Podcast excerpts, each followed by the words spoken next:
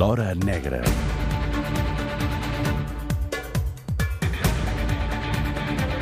Maica Navarro, bon dia i bona hora. Molt bon dia. Alguna pregunta per començar? O les preguntes les faig jo avui? Mm, La setmana passada vas venir sense dormir. Ara que és festes de la Ostres. Mercè, ara que, és- ara que són festes de la Mercè, has aprofitat per fer una mica de nocturnitat o no? Aprofites per riure de dia, ara que pots? He aprofitat, he aprofitat per descansar entre altres coses perquè dimecres l'alcaldessa de Barcelona em dona la medalla de la Guàrdia Urbana per la meva trajectòria com a redactora de successos d'aquesta ciutat. Moltes felicitats. Moltes gràcies. perquè, evidentment, eh, que una col·laboradora precisament del, del suplement eh, estigui premiada d'aquesta manera també ens fa il·lusió a nosaltres. I, de fet, avui ens obsequies, Maica Navarro, i ho hem de dir així, amb una primícia que té a veure amb això.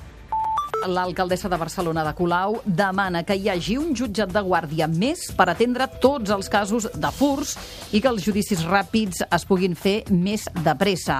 El consistori ha anunciat eh, que les males praxis immobiliàries que faciliten la instal·lació d'aquests narcopisos les perseguirà amb sancions de fins a 900.000 euros. És evident que la polèmica dels narcopisos és una de les patates calentes que té Ada Colau, precisament. També serà un dels cavalls de batalla d'aquestes eh, eleccions municipals que són al mes de maig, però que els candidats ja es comencen a repartir, n'entren i en surten. um, per tant, narcopisos. I tu el que has fet, precisament, és, com a periodista, trepitjar carrer i entrar dins dels narcopisos, no?, aquesta setmana? Mm, La, els redactors de successos, la veritat és que últimament uh, Ciutat Vella és l'escenari de, de treball on, perquè és on estan passant les coses. I, I és veritat que amb la problemàtica del- dels narcopisos, que l'arrosseguem des de fa ja un parell d'anys, però que aquest estiu crec que ha esclatat i ha provocat, no, ja no tan sols pel narcopís, sinó tot allò que genera al seu voltant, no? tota aquesta violència que, que, bueno, que, que creix i perquè el narcopís és, és, narcopís és, és, és, és droga, so, és, són màfies, són màfies cada cop més violentes, és arma, són toxicòmens, són toxicòmens que necessiten diner en el moment instantani per, per comprar la substància, per, per consumir-la, i aquesta allò de necessito el diner ja provoca aquests furts, aquests robatoris que fins ara sempre havien estat a, a Ciutat Vella i en tot Barcelona. Doncs aquest podia passar a la ciutat, doncs que robessin al descuit un furt i tu no te n'adonies compte, o sigui, el bolso, el metro, t'agafaven la cartera. Ara què està passant des de fa només nou mesos, amb un canvi molt, amb una degeneració de la situació molt, molt precipitada, doncs que hi ha molta violència. Aquests delinqüents estan practicant molta, molta violència. Hem parlat molt del, dels narcopisos, sabem el que últimament l'Ajuntament, ja ara sentíem la companya de- d'informatiu dient aquestes noves mesures que demana l'alcaldessa, sabem com treballa la Guàrdia Urbana, com treballen els Mossos d'Esquadra, com es queixen els veïns que pateixen aquesta situació de narcopisos a les seves finques, als seus carrers, però i els consumidors? Què diuen els consumidors? Doncs bé, uh, vaig anar al carrer, vaig patejar Ciutat Vella. A Ciutat Vella, eh? entrar, Sí, concretament això va ser al Raval, que és on en aquests moments hi ha la, com, la concentració més important de narcopisos, tot i que en el gòtic també comença a haver-hi, i jo crec que comença a expandir-se ja una mica fora dels límits de, de, del districte. Qui és el Rodolfo? El Rodolfo és un jove italià de 30 anys que porta aproximadament dos anys a Barcelona i que t'explica que està aquí perquè és molt fàcil aconseguir diners, aconseguir, aconseguir bona substància, ell consumeix heroïna i ell és un de, dels clients dels narcopisos. Aquesta és la dosi que s'havia pres el Rodolfo just abans de parlar amb Maica Navarro. Es solo caballo, porque me apetece dormir, entonces me pincho caballo antes de dormir. Antes de dormir. ¿Y hace cuánto tiempo que, que, no, te, que no te pones? ¿Te pones un par de días o un par de veces? Hace una hora. Medio gramo de caballo he pillado y lo he partido en dos. Me he hecho un pico para ahora para dormir y tengo otro guardado para cuando me levante por la mañana para no pasar mono. Aquest és l'escenari en què et vas topar, eh? Sí, um, des de fa aquest estiu com a prova pilot, uh, saps que la, la, sana, la sala de benefacció on, on, que estava oberta perquè els toxicòmens vagin allà i amb Valuar, que és amb, amb tècnics de sanitaris uh, i agents socials, ajuden els toxicòmens doncs, a fer un consum segur, amb garanties, on s'analitza el material que compren, etc. És veritat que ja estan molt controlats i molt tutelats, doncs allò s'ha traslladat a l'hospital, al CAP de Peracamps, molt, molt a prop d'allà mateix, i, i aquest centre des de fa uns mesos està la, obert les 24 hores del dia.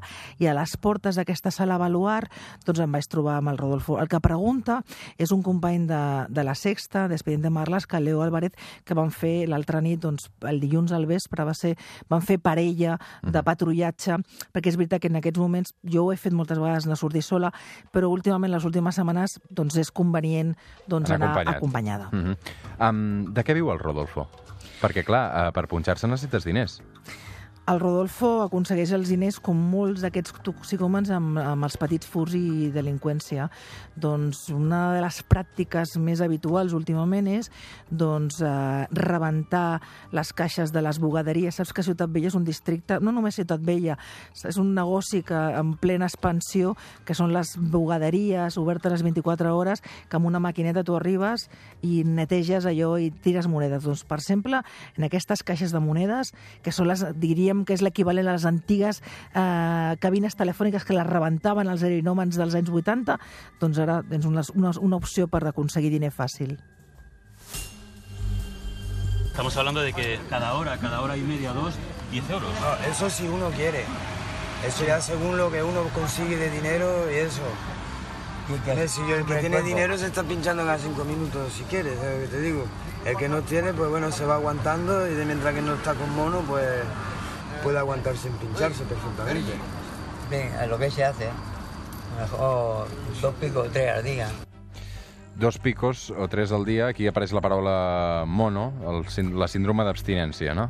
Una de les situacions més complicades per, per una redactora com jo, una periodista com jo, que ja té 50 anys i que va viure en primera persona Cantunis, aquí a les afores de Barcelona, sortim per la ronda litoral, on ara, quan surten, tens el cementeri a la dreta i a l'esquerra tens ara molts contenidors de, que arriben del port, doncs allà hi havia el que es deia Cantunis, que era l'últim supermercat de l'heroïna que havia a Europa i que en aquella època era gairebé més gran que, que les, les 6.000 viviendes de Sevilla o la Canyada Real de Madrid.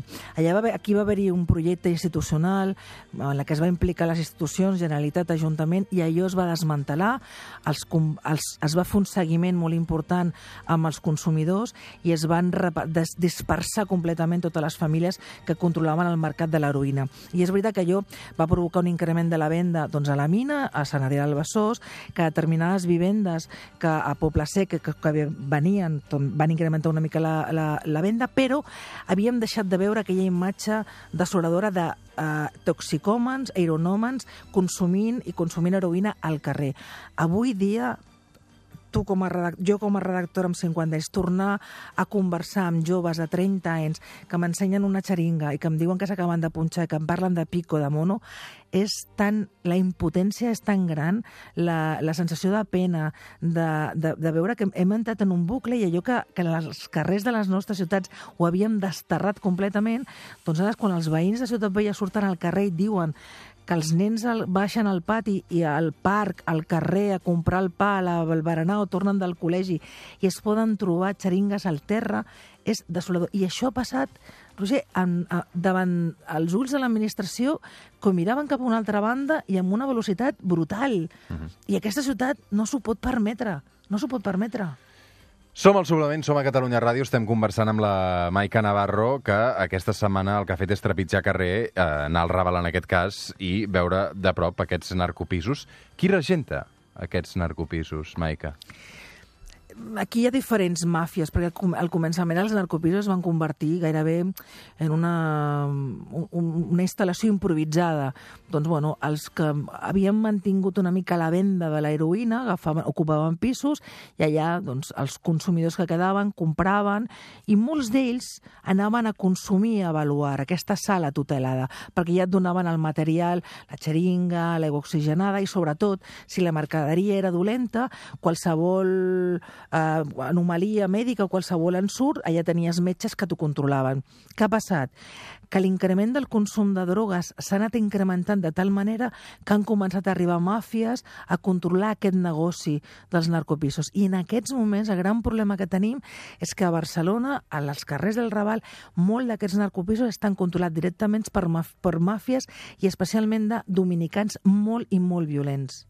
Els té controlats per això? La policia sap qui són exactament? Bueno, aquí, en aquests moments, la unitat d'investigació de Mossos d'Esquadra a Ciutat Vella té un encàrrec, gairebé una ordre del cap de de cap d'investigació, que tenen l'ordre de desmantelar un pis a la setmana.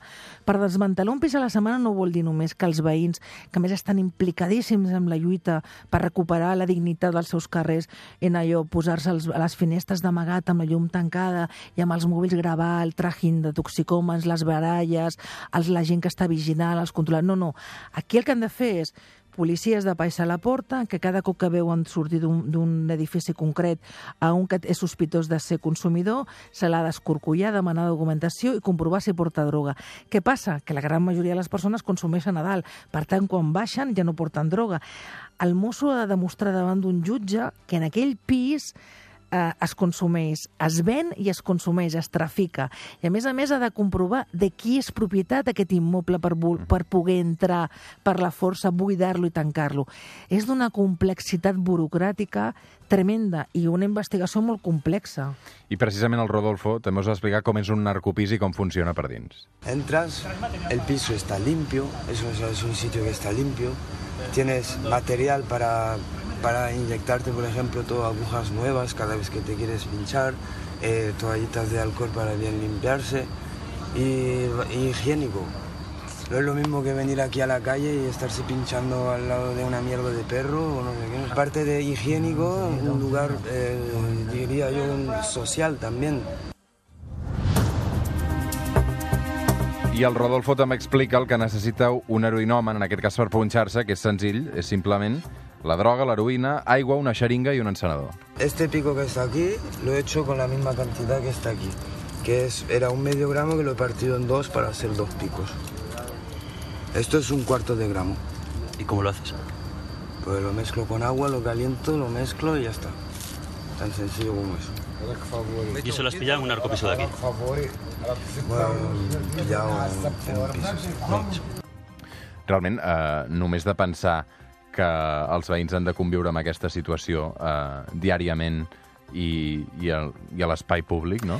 Sobretot perquè jo crec que els veïns, els veïns de Ciutat, de Ciutat Vella, els de tota la vida, que ja van viure la lacra de la droga dels 80, dels 90, la rehabilitació dels barris, l'arribada de gent de la resta de la ciutat que volia viure aquella multiculturalitat, allò de viure al costat de la Rambla, amb l'energia que té viure a Ciutat Vella, per, per tot el que implica aquells carrers i, i aquells indrets i aquells racons. Clar, la gent és... No, no hi ha una mirada de, negativa contra el toxicòman. El toxicòman és un malalt, és un malalt i per això està obert a avaluar i per això les institucions tenen allà una sala que els ajuden i els tutelen a que, allò, que, a que aquest, aquesta addicció tingui els menys danys possibles. El problema és tot allò que genera. O sigui, no és el trajín d'homes i dones que pugen i baixen amb el mono.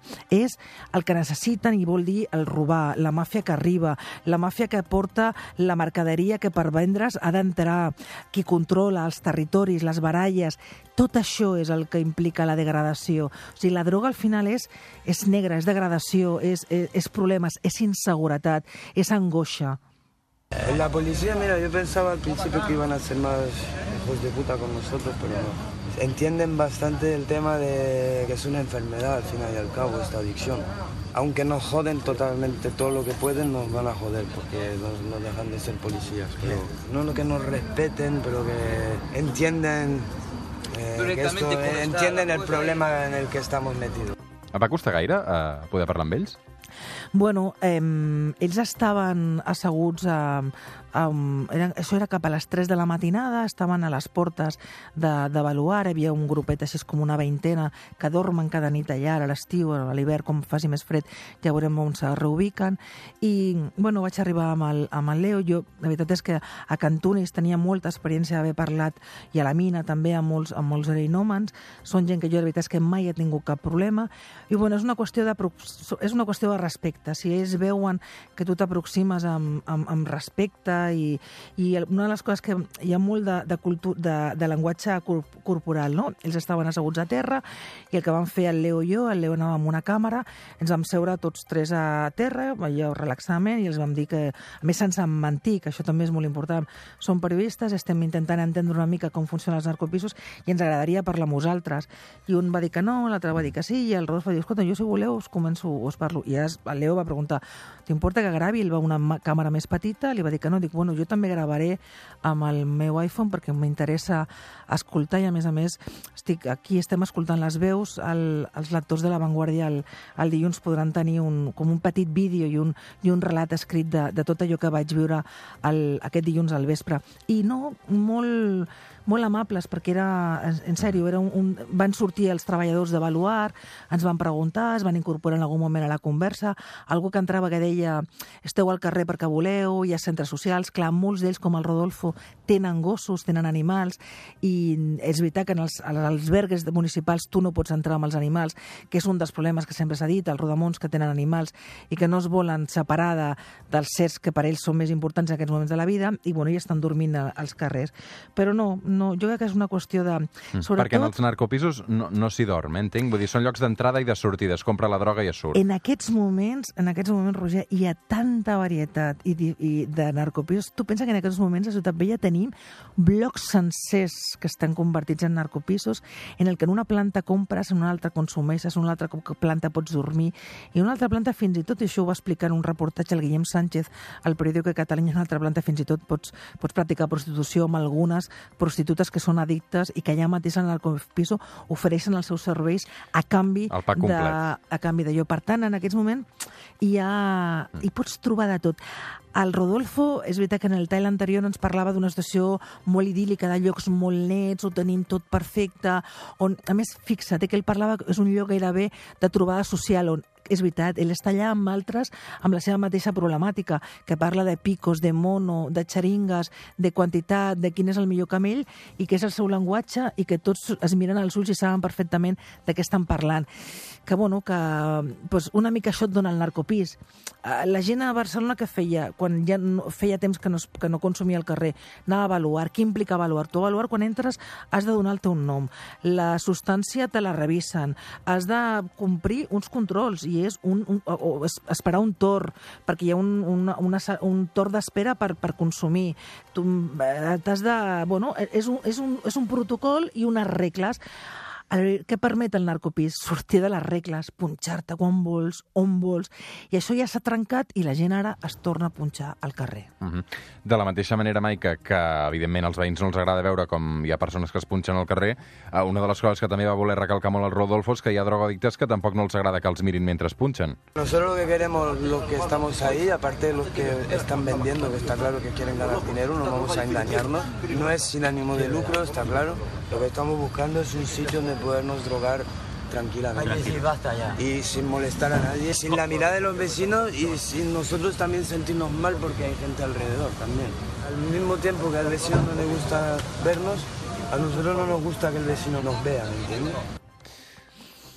Bé, hi ha, hi ha consumidors que són més, més escrupulosos i, i ja se n'acuiden de buscar racons si no, van, si no ho fan amb narcopiso o no van avaluar de fer-ho, estem parlant sempre de la ciutat de Barcelona, no ho fan doncs, en qualsevol, el primer indret que troben i hi ha, hi ha d'altres que potser per les presses, l'ansietat o les necessitats físiques que el cos et demana ja una dosis, doncs ho fan a qualsevol puesto.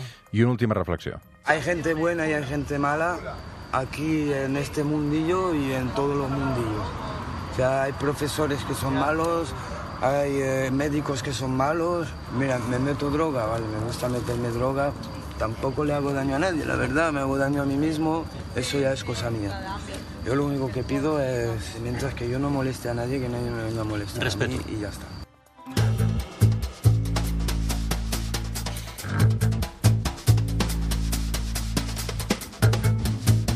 Doncs aquest és l'escenari que tenim eh, al Raval, per exemple, des de ja fa ara uns quants mesos segur llargs. Que, que Ah, molts oients avui, en aquests moments, tindran la mateixa sensació de jo que la pell de gallina de sentir doncs, això, que aquestes converses es fan en el, en el moment que estem a, a la ciutat de Barcelona. els mitjans de comunicació um, ja fa unes quantes setmanes, ja fa uns quants mesos, que hi ha titulars de diaris que parlen d'inseguretat a la ciutat de Barcelona. Tenim unes eleccions eh, municipals al mes de maig.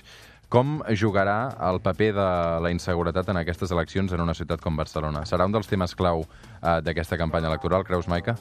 Tristament sí, tristament sí, perquè a més la inseguretat provoca angoixa, acostuma a estar, feia molts, molts anys que no, però acostuma a estar entre les preocupacions dels barcelonins, perquè hi ha carrers que en aquests moments tu penses dos cops abans de creuar i, i passar, doncs perquè no hi ha llum i perquè et sents una, i sents por i feia molt de temps que la barceloní no tenia por de caminar per determinats indrets sola o sol i tristament l'oposició ho farà servir contra l'alcaldessa És i que t'anava a dir, eh, l'alcaldessa...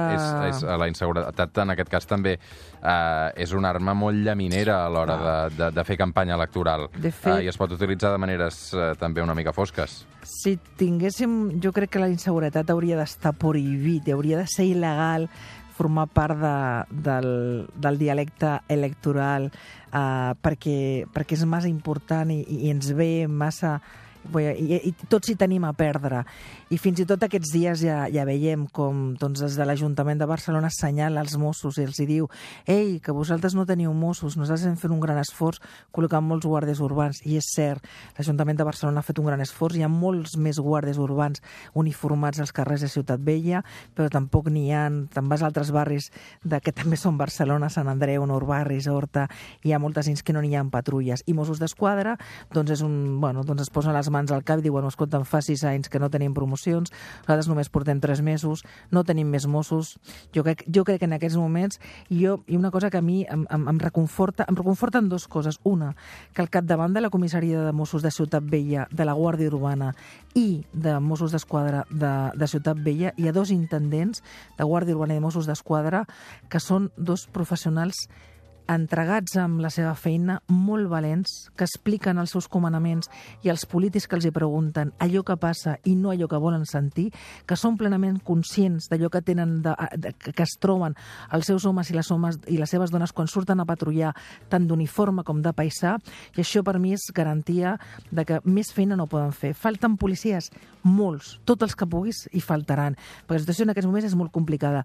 I també em reconforta saber que fa uns mesos va arribar a capdavant de la regió de Mossos d'Esquadra, un comissari de Mossos que ve d'una altra regió i que ve amb moltes ganes, molt valent, i que s'ha compromès a aconseguir Mossos d'on sigui perquè aquest, els carrers d'aquesta ciutat necessiten Mossos. I se'n sentirà ara el senyor de Lleida, de Girona, de Tarragona, i dirà, i nosaltres, és cert, però és veritat que tendim a mirar sempre amb molta més lupa la ciutat de Barcelona perquè és la que té més víctimes potencials, perquè té una llau de turistes brutal i perquè tenim uns increments de delinqüència que no tenen altres ciutats del país. Per això aquí s'ha de mirar amb molta més lupa i amb molta més preocupació. Maica Navarro, algun dia et veuran fer una crònica amb llum del dia o no?